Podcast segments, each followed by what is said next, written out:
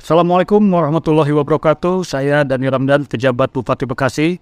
Dengan ini mengumumkan bahwa berdasarkan keputusan Bupati Bekasi nomor HK.02.02 garis miring kep garis datar 227 garis datar BPBD garis miring 2023 mengenai penetapan status tanggap darurat bencana hidrometeorologi di Kabupaten Bekasi tahun 2023. Uh, status ini uh, meningkat dari sebelumnya status siaga darurat bencana sejak 1 November 2022 dan saat ini dengan kejadian banjir, kemudian angin puting beliung, juga longsor di beberapa lokasi yang mencakup 18 kecamatan. Maka dengan adanya status tanggap darurat bencana ini, maka kes, uh, dibentuk juga tim komando penanggulangan bencana hidrometeorologi yang langsung saya pimpin dan uh, ketua hariannya adalah uh, Kapolres dan Pak Dandim, wakilnya ada Pak Kasrim, Pak Wakapolres dan juga Pak Sekda. Uh, melibatkan hampir seluruh jajaran Pakopimda, dinas-dinas terkait, kemudian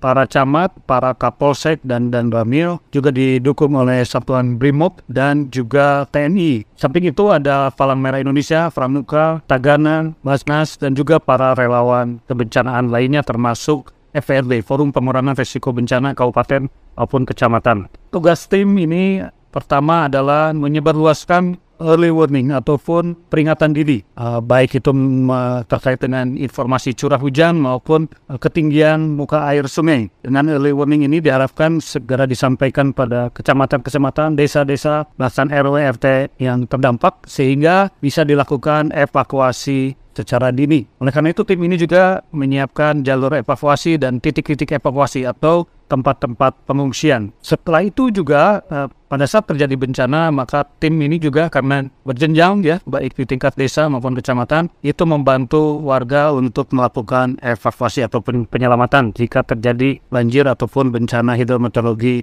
lainnya dan juga sampai nanti setelahnya kembali ke tempat rumah masing-masing uh, setelah dipastikan kondisinya aman dan membantu melakukan pembersihan.